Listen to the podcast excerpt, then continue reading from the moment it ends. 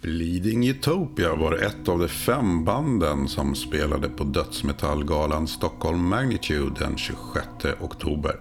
I C90-poddens 59 avsnitt hör vi gitarristerna Anders Fluff Morén och Chris Gustafsson berätta om livet i Bleeding Utopia som släppte sitt tredje album Where the Light Comes to Die i våras och fick strålande recensioner. Bandet drabbades nyligen av ett bakslag när sångaren David Allén hoppade av och en planerad turné fick ställas in.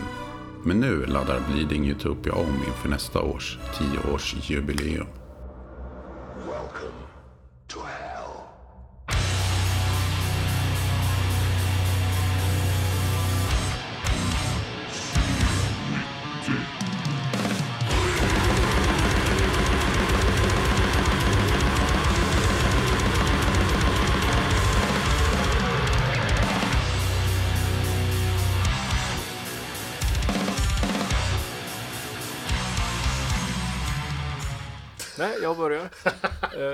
Christian Gustafsson heter jag.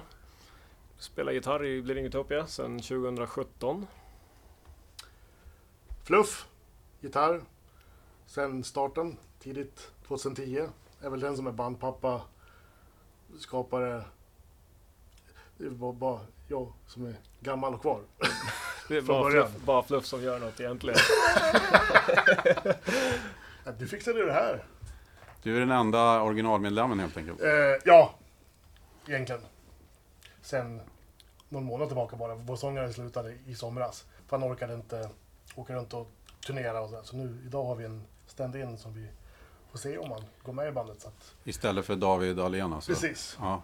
Han hoppar av i juli. Ja, juli Precis. så bestämde han sig för att han... Eh, vill ta en paus. Han, hade, ja, han har ju haft det här i, alltså, Tio år. som prio ett i nio års tid och nu känner han att han, ville ha annat som prio ett. Han ville ha, liksom, inte behöva spara så mycket semester. Så jag han tröttnade lite på att åka runt och sitta och vänta. Och han tycker om att stå på sten men det, det runt omkring var han inte så sugen på längre.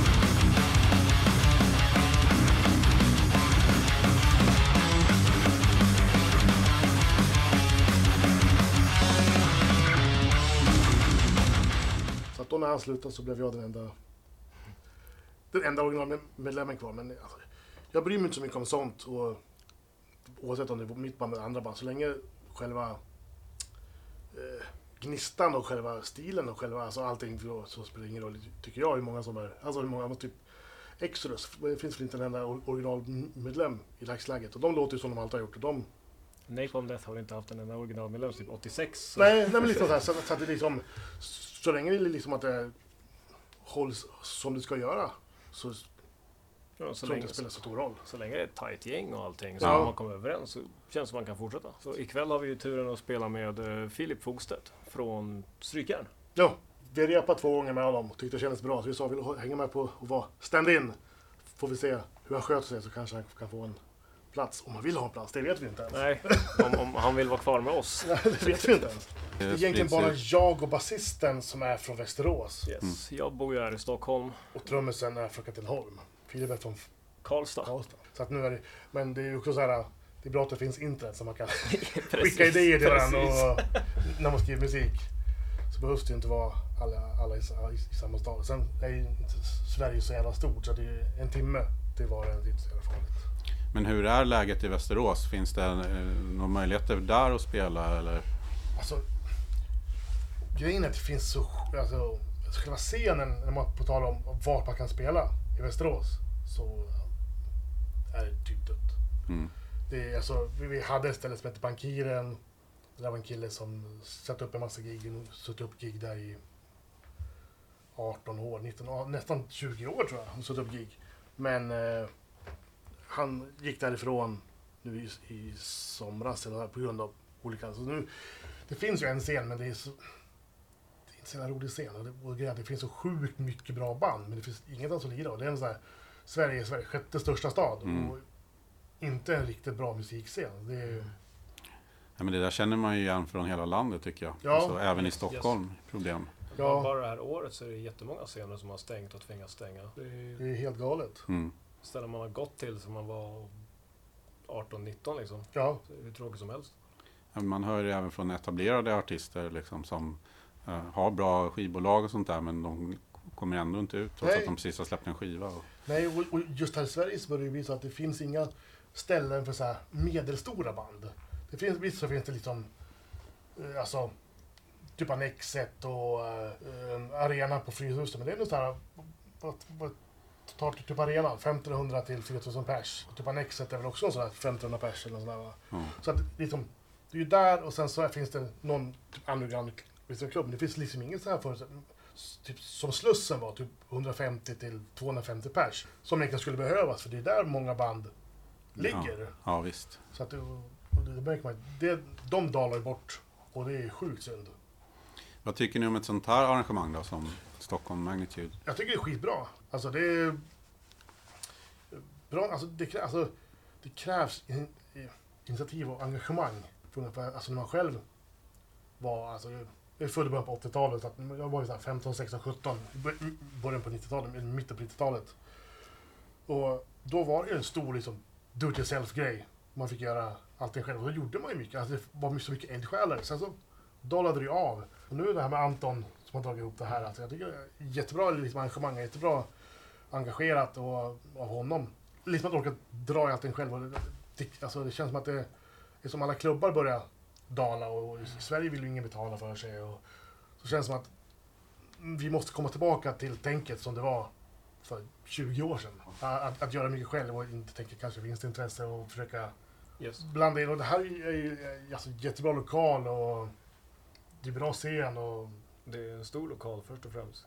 Så det är hur kul som helst att det har dragits ihop just här också. ja, Och jag, vi, vi är ju över ungdomsgårdsåldern så vi trodde inte vi skulle spela på en ungdomsgård igen, vilket är jätteroligt. Och speciellt att visa både det här stället och hela Metal Stockholm för hoppas vi att det finns fortfarande band och scener att spela på och initiativ att ta. ja, Och det här, som du sa, det känns ju inte riktigt som en ungdomsgård heller i och med att det är så stor scen. Och, Precis. ja men precis. Precis. Så att, eh, och då, då tänker jag också så att det är bra att man också fattar hela grejen så att man också har lite överseende. Som det är ju första gången Anton ordnar en sån här grej. Mm. Att man då inte kommer hit och, och ser något som inte riktigt var bra så gnäller man på det. För sånt kan ju också göra att ja, men då tyckte han att det kanske inte var så kul att ordna en. eh, Nej men precis. Så det, det är ju ett samspel liksom Ja. mellan banden och Det är, så, alla. det, det, är alltid, alltså första gången man gör någonting så det, alltså, det finns ju alltid lite barnsjukdomar och man Ja. kan alltid få lite, liksom, liksom, lite tips och tricks från andra människor och är som säger, man måste alltid ha lite överseende. Men det, Speciellt Om, det, om allting inte, typ inte klaffar, men fan, alla, alltså, alla har ju någon, någon, någonsin som har gjort arrat ett gig vet. har gjort det någon gång för första, för första gången. Mm. Yes. Alltså bara Olof i Skrikhult, hans första gig när han gjorde punk i Norrköping kanske inte var de... Nej. Nej. men, de bästa, liksom, men, men nu är han ju hur stor som helst. Så att jag tror att får han bara alltså, en bra reaktion och känner att han får någonting ut för det rent personligt att göra det här så hoppas jag att han, att han fortsätter. Yes. Och arrangera en metalfestival först av allt är ju inte en liten grej. Nej. Men hittills har ju alla varit hur bra och hjälpsamma och trevliga som helst. Så jag tror att där kommer det bli hur bra som helst. Minst sagt. Ni är ju, måste man säga, det mest rutinerade bandet som är här. Ju. Jag tror att vi är nog- de som har på längst, kanske har varit ute och giggat mest, kört runt i Europa några gånger och lite runt i Sverige. Så jag tror vi är väl säkert de som har mest rutin när det gäller. Men det är också så här, visst, jag kan ju vara den människan som, som jag är lite typ rutinmänniska. Jag kan ju vara sån som kanske stör mig på om saker inte har rutin. Men det, men det är också så här att man kanske kan ge lite tips istället för att sura ut. Mm. Att när nästa gång tänk, tänk på det här eller andra band, att men vi gör så här så Yes. går det lite snabbare changeover. Så här, men det, annars så känns det så, känns det ju som att alla ligger på ganska Jämn nivå. bra Mm. nivå. Ja. Alltså när det gäller liksom folk. Det, det är ingen som, som, som latchar sönder, även fast de kanske inte har varit ute och spelat så mycket. Så det är ingen som liksom latchar sönder tiden. Utan det, alla verkar Men, det- väldigt, väldigt proffsiga för den, för den, där de är Mm. i karriären om man säger. Det är ju Mm. så att två band soundchecka och det är, är ju faktiskt riktigt proffsigt. Ja, Mm. Både av, från teknikernas sida Ja. och från bandens sida. Så Man det har ju spelat med mer rutinerade band än oss som Ja, har varit sjukt mycket, mycket sämre. mycket oproffsigare än, än de som är här idag. Så Yes. att det, jag tror också det är lite mer res- respekt för varandra. alla vill att det liksom, ska gå så smidigt som möjligt och hjälpas åt så mycket som möjligt. Vi har väl kanske mest rutin men, det, men och spelat mest. Men jag tror inte det spelar så, så stor roll rent. Sen är det också här att det, det är ingen åldersgräns, det, Nej. det är drogfritt arrangemang och allt sånt där. Hur mycket spelar det in? Liksom? Alltså för oss som band så tror jag inte vi bryr, oss så mycket. För att alltså, vi är inte de som...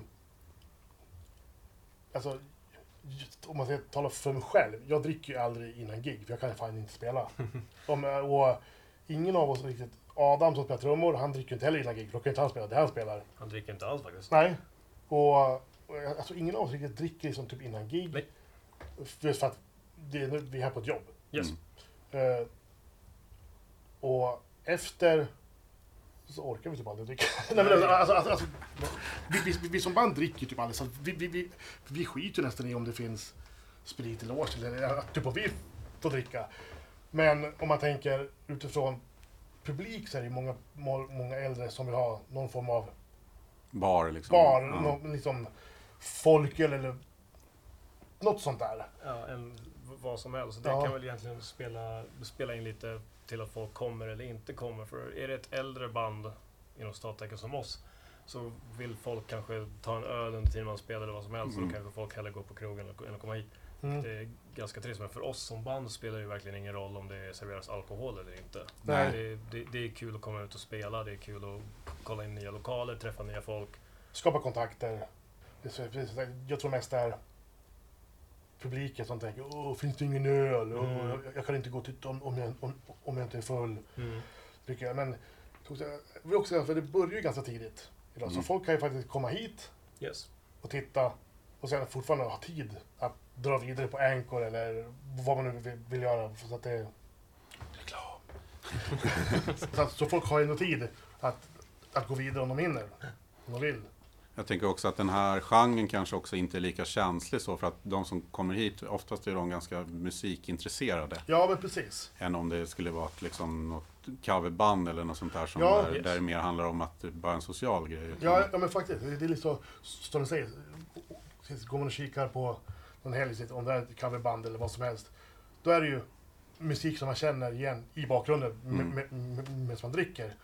Men jag tror precis, också här, folk kommer hit, lyssnar på musik, köper någon merch. För, för att de gillar bandet, för att det är musiken som är högst upp i som prion. Ja, för att ta in nya band, för att intressera sig och Ja. lyssna och så sen så kanske själva knyta kontakter. Hur, ofta har det inte hänt att någon, eh, någon spelare i ett band kommer på ett gig och säger att du, vi vill spela med er?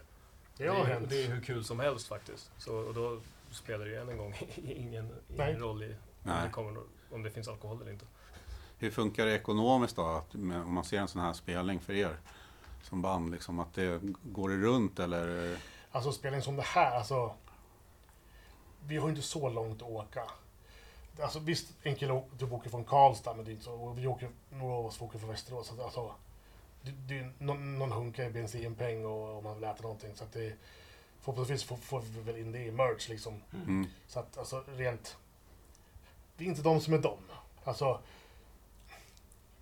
Kommer det folk och folk köper merch så... Och inte behöver åka alltså, skitlångt. Så är det plus. Alltså så... eh, För vi vet ju alltså typ i Sverige, just det här för att det här är... Vad man ska säga, ungdomsgård kanske är fel men eh, som det är, att ingen, ingen, ingen åldersgräns. Så är det ju eh, alltså typ ett lågt inträde. Då ser vi ju hellre att det kommer mer folk som kommer hit som kanske kan köpa merch. Yes. Mm. Än, att, än att man måste ta ett, ett högre gage och så måste de ha högre inträde och så kommer det inte lika mycket folk. Alltså, jag spelar hellre för lägre inträde och lägre gage för mer folk Yes. Mm. yes.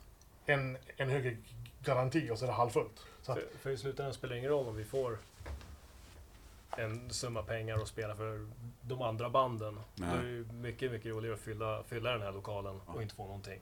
Precis, och så får man, säljer man merch, ja men då har vi lite pengar där liksom. Så att det, det är skillnad om man är tvungen att åka upp till Umeå eller åka ner till Malmö. Eller så. Då vill man gärna ha någonting som kan, i alla fall så att man slipper betala Gå back liksom. Ja men precis, och, Yes. det- och man måste ha med sig backline, så då måste man hyra en buss och så, så blir pengar på det. Men så här är som, Det har vi också gjort.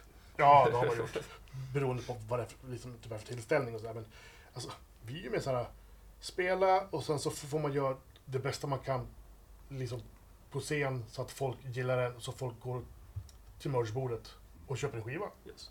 Det, det är ändå det det handlar om. Alltså, rent tekniskt så är vi ju musicerande dammsugarförsäljare. nej, men, nej, men, nej, men det är liksom såhär, alltså, som en dammsugarförsäljare, han åker till en, eh, eller vad som helst, åker till ett köpcentrum och så visar han sina grejer. Titta vad bra det här är. Och sen när demonstrationen är klar så, köp dammsugaren. Vi musiker är sagt likadant, vi åker hit och så står vi på scen i 30-60 minuter, visar upp oss. Här låter vi, så här är vi. Och så går man dit och säger, köp våra grejer. Våra dammsugare. Så att det är lite så där och då får man hoppas att folk köper merchen mer än att man får saftigt gage. Det är- Yes. Matchen är ju viktig så att det gäller ju Ja. också att man har tänkt, tänkt så att man har bra grejer. Ja, det är ju så. Mun till mun, alltså folk som säger... Alltså, kommer det 150 pers och sen är det 40 som köper skiva och så säger de 40 till sina Mm. kompisar. Här skivan är bra, här skivan. Och, och, så, så kommer det automatiskt växa och folk blir mer, mer intresserade. Mm. Och så kan man, om man nu, måste, säga, om man nu ska snacka pengar, så genererar ju det en, en större rullians en längre tid. För att de fansen har man kanske längre tid, så de, man- ju mer skivor man släpper, eller t-shirtar i framtiden, så kommer de liksom komma tillbaka. Får man en engångssumma på en grej och så kommer det 25 pers för att ingen, ingen har råd, då, då, då finns det ju inga som kan sprida ryktet att de har, Nej. det är ingen som har råd att köpa merch. Yes. Att också merchen är, precis, är ju det viktigaste. Precis, att man har mycket grejer kanske, men att man har ändå lite såhär... Lite roliga Ja, saker. är liksom- Någonting som folk gärna tar med sig hem Alltså, och vi- visar för någon Ja, annan. precis, vi har liksom, liksom ändå CD-skivor, vinyler, t-shirtar. Och vi har lite patchar på G och sen så brukar vi ha lite så här. Nu har vi ju ingenting kvar, vi måste trycka upp nytt, men vi brukar ha typ ha pins och plektrum och faktiskt typ kondomer och sånt där. Så, nej, men, som, som vanlig giveaway, typ om, om det liksom kommer så köp liksom två grejer så får du någonting gratis. Och det har, man, det har ju uppskattats som fan att, att folk får, alltså även om det bara typ är liksom en pin eller plektrum eller något sånt där. Så jag tror att det, det viktigaste är att man har ett välfyllt merchbord med kanske spännande grejer som folk blir intresserade av än att spela för massa pengar. Ja.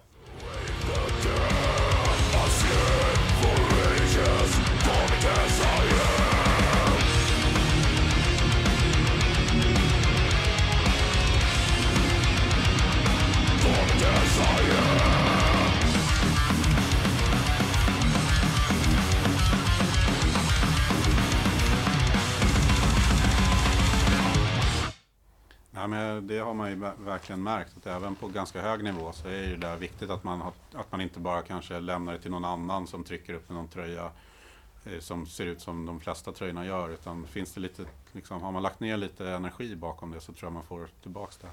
Ja, och nu har ju, har ju vi tur. Jag har jobbat på företag som är, där dotterbolaget håller på med reklamtryck. Så vi, vi Ah. sitter och tittar, vi firar ju tio år nästa år.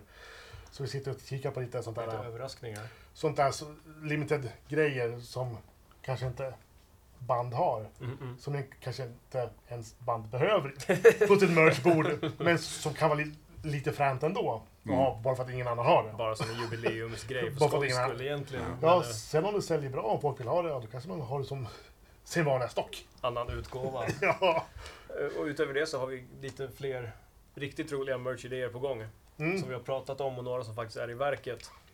Så att Så- det, vi har lite grejer som är på gång. Och det är också så här att, att det finns eh, valmöjligheter. Så det inte bara har, nu har vi fem tröjor. Mm. Det är inte bara fem tröjor. Fem svarta. Ja, Ja. men precis, Ja. det, fem svarta, hur många tröjor behöver man? Men det är så här, så har man någonting annat, liksom något smått där och smått där, som man kan fylla sina musmattor eller muggar eller vad fan som helst. Så kan det vara lite roligare, för det är kanske inte alla som har det. Och jag vet som fan själv så är det lite roligare att- att köpa någonting ja, lite annorlunda. exklusivt om man säger, än bara en tröja. Har ni några mer planer då för tioårsjubileet? Den får du svara på. Alltså, plan, alltså man har ju planer och planer. Alltså, vi har ju planer alltså försöka spela så mycket som möjligt. Och dra iväg och sen så blir det väl förhoppningsvis till hösten att vi drar ut i alla fall i Europa på någon tioårsjubileums Ah, jubileum, det låter som att vi är världens största band. Nej men att får man bli som headline och åka runt typ och giggar eh, och försöka få så mycket som möjligt runt i Sverige också. Mm. Typ under nästa år. Och sen är vi tanken att vi håller på att försöka samla ihop massa alltså, material på alltså, allt som gäller video och filma. Och nu filmas det här ikväll så det är nice. Så har vi filmat release-giget vi hade i våras. Eh, som en timmes eh, konserter som vi har släppt en låt ifrån. Bara så här, som vi ska släppa i sin helhet och försöka göra någon form av eh, tio års Firande i film, princip. dokumentär, men liksom så här tioårsgrej. Antingen om, om den släpps för Youtube eller om ni kommer sitta på eh, nästa skiva som kommer 2021 till exempel, att man har någon bonusgrej på den eller så det är en hel del planerat. Sen får man ju se hur mycket som, Faktiskt. som går att göra. Men just nu sit- sitter jag mest och försöker få så att vi filmar så mycket som möjligt. Och, alltså i studio och ljus och giggar och allt sånt där. Och sen då försöka spela in. Vi tänkte, eftersom vi har bytt så mycket, med, eller mycket med, med, eftersom vi har bytt lite medlemmar typ under åren. Så hade vi också tanken liksom att göra någon eh, ominspelning på några gamla låtar från typ, till första plattan. Men så som vi låter nu och typ släppa på någon form av så här vinyl 12, alltså eller 7 eller något sånt typ bara några enkla låtar, så bara så speciella upplagor och så det finns lite mer idéer än, än, liksom än planer, så får man se hur mycket som går att, Yes. att Yes. eh, vi, ska, vi ska försöka göra så mycket som möjligt nästa år. Men frukten från det kommer nog 2021 liksom, när man Yes. kan se. Så i nuläget är det mest planer och Ja, idéer, mycket idéer som man idéer. skriva ner och så liksom så här, är det här möjligt ens att göra? Och då får man se. en del saker handlar ju om budget också. Yes. Ni har, ni har ju en ganska färsk platta i ryggen ju. Ja, Where the light comes to die. ja, Eh, den fick, har ju fått ett väldigt bra mottagande måste man säga. ja vi är faktiskt, man blir alltid, är alltid nervös när man släpper något nytt, när man har på med så jävla länge. Och eh, eftersom man själv tycker att det här är ju plattan of the year. Tycker, men det tycker man ju alltid själv. Yes. För, för att man har suttit så länge. Och sen så är man ju alltid lite så här, "Uff, vad ska folket tycka? Men det är också så lite så här, vi, vi har ju inte bytt sound mellan plattorna, men vi, ändå, de låter ju inte likadant. Det är ju inte AC/DC att det är samma platta liksom. Det har ändrats lite just för att vi har bytt lite medlemmar och sådär. Så man var lite, lite nervös, men vi fann att vi har fått väldigt bra, Den har fått riktigt bra reviews. Och, och väldigt bra, alltså många som pratar om den. Så det är jävligt ja, kul. det, det har varit eh, lite förvånande, lite imponerande. Fast väldigt positivt menat. Ja. Inte, inte så att man släpper en skiva och tänker att den är dålig. Men Nej. samtidigt, så, som Fluff säger, så blir man ju väldigt nervös. Och det var ju faktiskt mitt första arbete med, eh, med, med Bleeding Utopia också. Ja, han kom in mitt i processen. Grejen var att vi hade spelat in allt. Och så hade vi ingen solgitarrist. För att, ja, han slutade, slash Hoppade av. hoppade av, slash vi gav ett ultimatum, eh, slash sparkades. Utan att säga för ja, mycket. det, så Han slutade av många anledningar. Ja, lite så, här, så att han kom Så- in, så, att, eh, så Chris kom in när allting var väl in- inspelat. Det, ni var ju rätt nästan redo att skicka den på mixen. Ja, Och, Eh. och så, vi hade kille som, som skulle lägga solon, så, kille som heter, som heter Teddy Möller. Ja. Teddy Möller från, från Loch Vostok, från Uppsala. Som hade lagt lite solon på det, som, på själva, själva liksom pre-prodden. Så vi, så vi, vi var ju såhär, okej, hittar vi inte någon, då får, får väl han lägga på alla. Och så, och så, så skickar vi iväg, bara för att behålla momentumet och sen så får den som kommer sen lära sig det. Mm. Och sen så kommer han in och så hade han en, en månad att skriva. Nio gitarrsolon. Ja. Sen hade vi turen att få Ryan Knight från Black Dahlia Murder på ett solo. Ja. Så det var åtta solon och lyckligtvis tog han den låten som vi hade svårast att skriva något till. Så Mm. det är jag evigt tacksam för. nej, Så, han- så han, precis, var typ en och en halv månad och Ja. typ skrev och så, och Så spela in allt. Ja, och, och så, så, att, så han kom in mitt i processen. Så det, det, det är ju hans första, det var vår, första han fick göra i bandet. Lägg solon på nya skivan. så, att, så att kan, kan, kan Så kan spela in och släppa skivan. ja. Nej men det har blivit varmt, alltså, varmt mottagande och då, det har faktiskt öppnat en del dörrar. Som sagt, vi, fick, vi, åkte, vi drog ju till, eh, till, till Estland i april Yes. och var main support åt Black, just Black, Black Dahlia Murder som Och det var en dream come true om något. Alltså Mm. bara, bara det, och det hade ju kanske inte hänt om vi inte hade fått så bra på den här skivan. Och vi, ja, alltså, det, det, det har varit mycket intresse. Sen hade vi turen att få åka ut med eh, The Crown och Bleeding Gods Ja, ja, på Europaturné Ja. förra ja, december. precis, precis innan. Så att det var väl också det, vi var ute där och spelade med dem i Europa någon vecka och sen så någon, någon månad efter det så, så släpptes skivan. Så Precis, märkte, så då var det. märkte att i de länderna och de städerna som vi hade spelat, det var där typ alla låg, eller alla, alla pre-orders låg. Yes, yes. Så att då märkte man att man gjorde ju någonting bra då. Så att då var det en hel del bra, bra, respons och erbjudanden. Och sen så plötsligt så hoppade David av i somras. Så har vi fått, varit tvungna att plocka ner Tagga ner lite och på, på alla gig. Vi hade, vi hade ju faktiskt en turné som nästan var bokad och klar. vi skulle åka Okej. typ idag. Nej, nästa vecka. Ja, nästa vecka skulle vi åka. Och så hoppade David av. Och då var vår första liksom, stora headline-turné, eller stora, men för- första liksom, riktiga headline-turné. Så hoppade David av för att han orkade inte. Och då började liksom alla promoters bara, "Ah, nej, men då, då började de hoppa av för att de inte var säkra på att vi skulle få ihop Mm. ett helt band. Så att den sköt vi upp. Så det var mycket typ under hösten som vi liksom fick skjuta upp och lägga på is och mycket, Yes. mycket förfrågningar som vi fick liksom Ja, så fokus har ju leg- Tyvärr legat på nej att till. hitta en ny sångare. Ja, okej. Och tyvärr tacka nej till en massa gig. ja. Ja, Men det måste ha känts jobbigt. Ja, för jag har, för, jag, grejen är att under de här, alla de här åren har jag aldrig ställt in ett gig. Nej. Någonsin. Alltså sen 2010. Aldrig ställt in ett gig. Aldrig skjutit upp ett gig. Alltså vi har ju spelat med fan brutna fingrar och sjuka och liksom för att det är inget yrke som man har sjuka med till. Nej. Eh, Så att det var faktiskt jävligt jobbigt att be- behöva säga nej till Till just alla typ promoters 15, och... 15 gig. Och det är lite sånt här bara, det går inte. Men förhoppningsvis så eh, Så tar vi igen det. tar vi igen det under, typ under nästa år och försöka vara ute Mm. ännu mer. Men David hoppade av på grund av turnélivet som du Ja, nämnde. alltså, alltså, han gillar ju musik och gillar att stå på scen. Det, det, alltså, det är så mycket mer runt omkring. Mycket resande, mycket väntande, mycket... Det är mycket tristess. Ja. Alltså, Mm. och, och det är sjukt mycket jobb bakom. Alltså, allt ifrån liksom, liksom att planera till att boka, till att fixa bilar, till att fixa boenden. Alltså allting. Och Han var- köra långa sträckor, dålig mat, förkylningar, sjukdomar. Fan vet Ja, fan, vad. man, man, man blir fan alltid sjuk när man är ute. För att man Mm. lever ju så här nära, alltså på varann. Så räcker med att en börjar hosta så har ju alla fått influensa inom Ja. några dagar. Så han var väl lite trött på, alltså liksom hela grejen runt omkring. Att han vill inte ha det, ha det som, liksom, som prio ett. Han vill ta kanske lite mer semester och sådär. Skulle jag, jag, jag har ju känt honom sedan 84. Så att eh, vi känner varandra ganska bra. Så det är liksom inga så här bad feelings. Det är bara han, han kom till mig och berättade att jag, jag orkar inte. Jag, jag, vill, jag vill liksom prioritera annat. Och då när vi är på den här nivån, när vi vill ut och spela så mycket som möjligt, så funkar det inte att ha någon som har det som prio fem. Liksom. Utan det, måste, det måste ligga ganska högt upp. För alla, alla måste kunna sjuka med sig en dag för att åka tidigare till en turné för att, för att man inte fick semester. Nej men typ. Hoppas inte chefen lyssnar på det här nu. nej, jag skojar. Nej, nej, nej, men, nej men liksom så här. Och, och vi alla har ju ändå så ganska, alltså jag har ju, har ju suveränt jobb. Vad jobbar du med? Är Eh, det- Jag jobbar eh, på ställen som säljer eh, hifi-prylar till vinylmänniskor. Så att vi är ett väldigt litet företag. Alltså personalstyrka, vi är liksom tre pers. Så att där kan man alltid köra, alltså det är alltid liksom, lätt att prata och fixa och dona och, och de vet ju att det är det här jag gör. Så behöver jag ledigt någon dag där och då, så, så länge det funkar så, så är det liksom inget problem. Och det, det är det man har letat efter länge. Att så länge det finns framförhållning att, att det inte är något, liksom, det är inga Mm. problem. Är det så att semesterdagarna är slut, ja men då får jag, då får jag ta tjänstledigt liksom.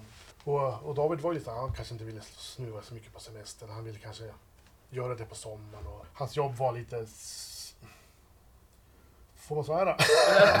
han var väl lite skitstövlar. Så det var säkert mycket runt det också, att han var tvungen att nästan bråka varje gång, tror jag. Svära. Så att, men det får man ta. Har man, är man fem i ett band och man vill komma dit, uppåt, framåt och en kille säger nej, jag orkar inte ta mig hela vägen dit. Då, då gör han väl rätt beslut av att liksom stiga ner så att man slipper bli en bromskloss. Mm. För man har ju spelat i band där man har haft bromsklossar. Och, och då vill man helt att folk som då känner sig trötta, att de slutar innan de blir en bromskloss. Så att eh, vi, det, det finns ju inga hard feelings. Det, vi alla har ju frågat, liksom, eftersom vi känner varandra så bra, har ni bråkat? Är ni, är ni osams? Och, och, och så här, bara för att han har slutat. För ingen trodde att han skulle sluta, för att han liksom har varit så stor del av bandet. Kärnelement. Ja precis, och vi har ju spelat ihop i så mycket konstellationer sedan 95 liksom. Därför har ju folk varit så här, ja det bråkar, men liksom, vi är fortfarande jättebra polare och så det var ju bara, han orkade inte. Hur, hur funkar det för dig då Christer med jobb och bandet? Alltså få ihop? Eh, Det funkar ganska bra. Jag, har ju jag jobbar för ett företag som heter Dryckeskonsult. Eh, I princip en underleverantör till eh, Coca-Cola, Spendrups, de många stora dryckesföretag. Eh, Och jag har... eh, Det, det är en stor firma, eller börjar bli en stor firma, så jag har alltid någon som kan täcka upp för mig ifall jag skulle behöva försvinna, med, till och med med kort varsel. Perfekt. Så det, är, det har funkat hur bra som helst hittills. Inte varit något problem eller någonting. Alltså alla vi har, får- har, alltså, har ganska bra alltså just nu. Adam var en trummis, han jobbar ju Personlig assistent. personassistent på Nordboen, så han jobbar ju typ så här 24 timmars pass ofta, eller typ ofta. Så han kanske jobbar två dagar i veckan, tre dagar i veckan. Sen är han ledig, så han kan ju ofta forma lite, alltså, lite och fråga, behöver vara ledig här? Så kan, liksom, då kan det ju vara att han kanske räcker med att han byter en dag. Han Mm. jobbar tisdagen istället för lördagen. Ja men bra, då kan vi åka, då kan vi åka typ fyra dagar för att det var den dagen. Så han har, har ändå ganska, när väl varselvagnen och fråga. Och sen vår basist, han jobbar ju bara natt, men han har ju hittills aldrig haft problem att, att få ledigt. Just nu så har vi nog folk som förstår Yes. Mm. Yes. som arbetsgivare. Så det, och det brukar ju vara alltid när man pratar med nya, med, med nya, med nya arbetsgivare att så här ligger det till. Det, det, Funkar inte det här då är det inte... Liksom Ställa inte, skåpet direkt. Ja, men det är Precis. liksom, liksom att jag kommer kanske vara borta här och där och funkar inte och gör så här, då är det inte intressant. Men det är superviktigt att nämna att man spelar i ett turnerande band och man är borta en Mm. del per år. Och om det här inte funkar så är det ingen idé att anställa mig.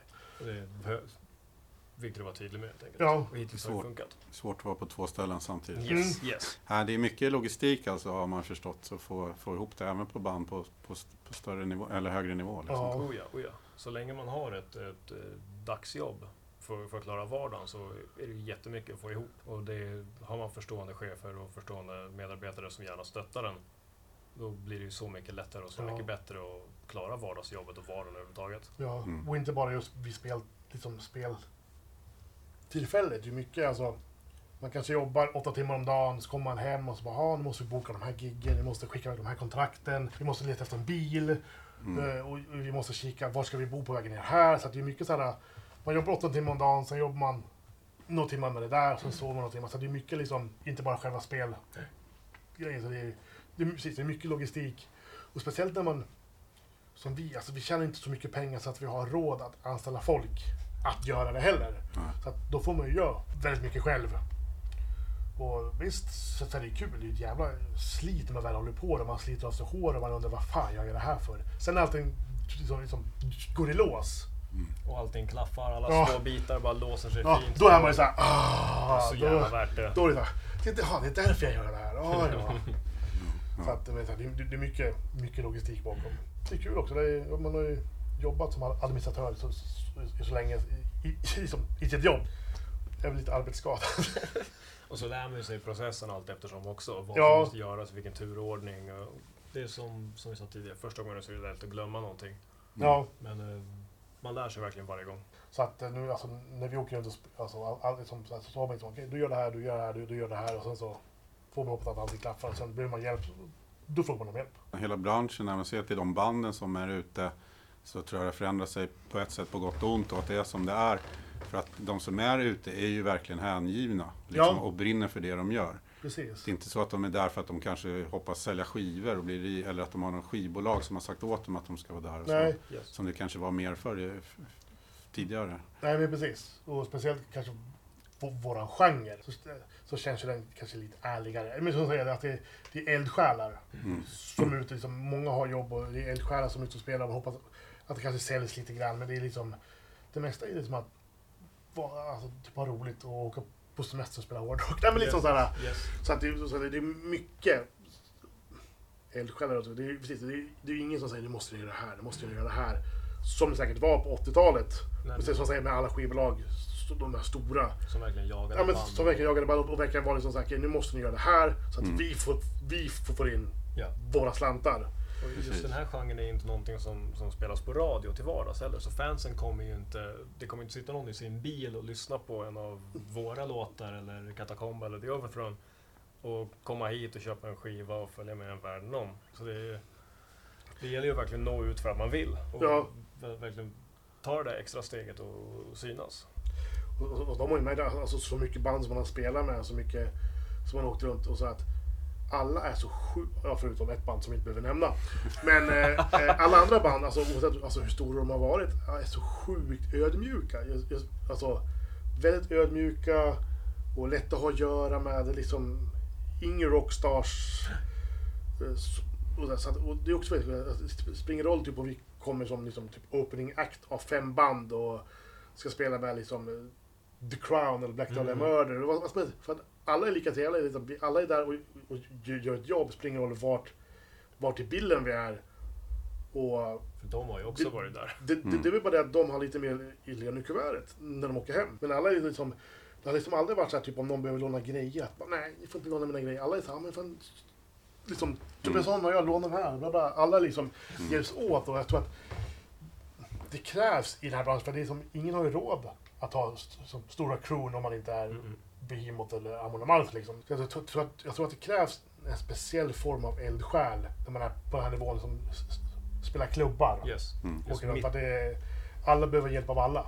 just mittennivån, är, Ja. det är där man separerar sig från de som faller bort och eldsjälar rakt igenom. Ja, precis. Får ni någon hjälp av skivbolaget?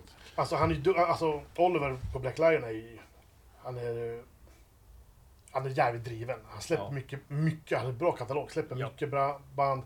Han är väldigt proffsig. Han arbetar med väldigt mycket bra folk. Så att, liksom, typ, när det gäller PR och sånt där, alltså liksom, typ inför skiva och, och typ om vi åker ut och så här, så, alltså, så han är duktig liksom och, och liksom fixa sånt. Alltså med att, eh, att det syns. Eh, Men alltså, sen men, ja, alltså typ om man ska snacka alltså, alltså stålar där det gäller liksom så här, liksom, turnébidrag och sånt där. Så är nog inget bolag som riktigt Nej. Just för att eh, nu, alltså, för- alltså, eh, ska- turnéer har ju alltid kostat ur, alltså, ur artistens ficka, oavsett om det var 1975 eller det Mm. var 2015. Fast det är inte alla som har tänkt på det alltid. Nej, liksom. precis. Det för skillnaden är ju att, att det såldes skivor då. Så att skivorna som kom in, pengarna som kom in till bolaget, som bolaget sen betalade, liksom, liksom, till exempel turnéer och sånt där, togs ifrån den royaltyn för att, för att det såldes en jävla massa skivor. Så det funkar exakt likadant idag som för 25-30 år sedan. Det var att nu säljs det inte skivor, så att nu finns det inga pengar att, att ta av. Ligger man på ett litet bolag eller mellanbolag så är det nog, så är nog mer värt med en bra, eh, en bra PR-styrka Yes. som verkligen når ut så att det kommer folk och så folk märker av det än att eh, få massa pengar så att man har råd. För att, eh, för att skulle bolaget slänga ut massa pengar på det så skulle de inte ha råd. Och göra PR och det går ju lite hand i hand. Ja, och... och- på turné och så kommer ingen så kommer vi tillbaka till det Ja, vi pratade Så om att tidigare. Liksom, och, um, har, man, precis, har man bara typ ett starkt namn, ett starkt merchbord och, och gör bra ifrån sig på giggen så kan man få in en del av det man förlorar. Alltså, men han är duktig på Han är duktig på distribution. För det, är han, det är han som hjälpt oss att distributera skivan i USA. Ja men och i, alltså, överallt. han är jätte, jätteduktig på det. Och, och rör sig med mycket bra folk. Så att eh, Black Ryan, eller Black Ryan. Black Lion, är- alltså hela hans katalog är ju suveränt med bra band. Och, eh, alltså, jag har inte träffat någon som har jobbat med honom som har tyckt att han har varit dålig. Nej. Aldrig. Han är ödmjuk och suverän kille.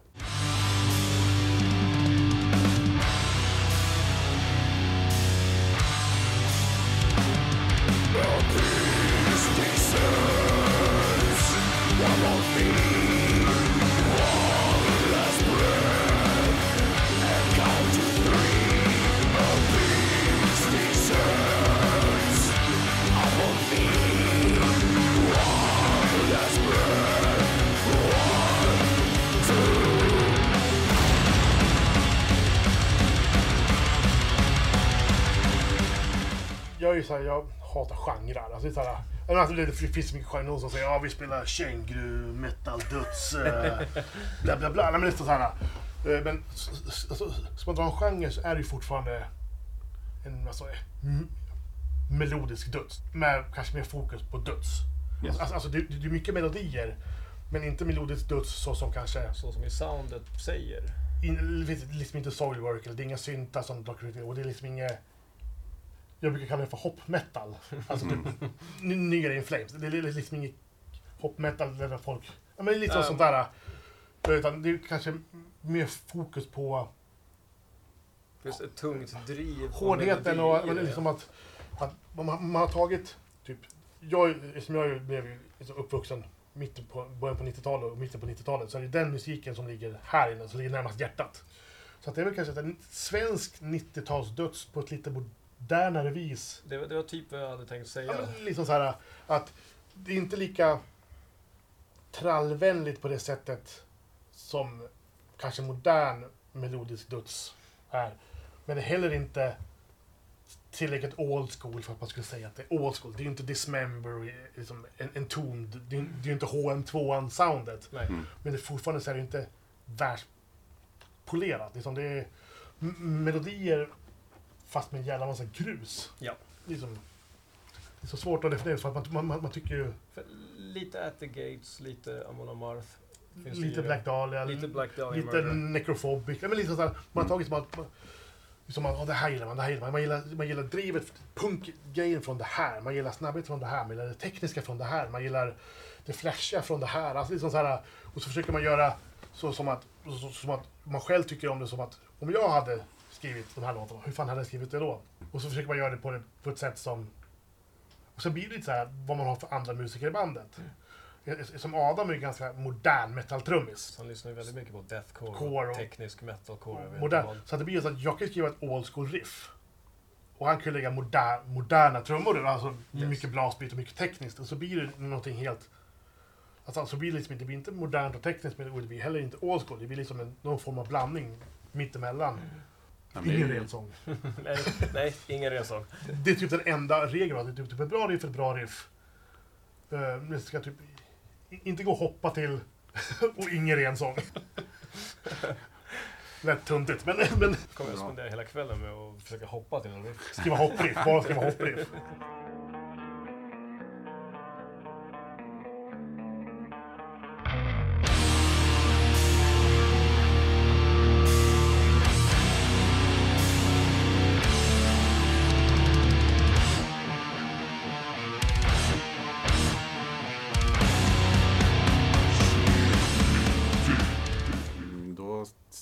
Säger jag stort tack att ni vill vara med. Det är vi som tackar. Jag tackar för att du ville ha oss med.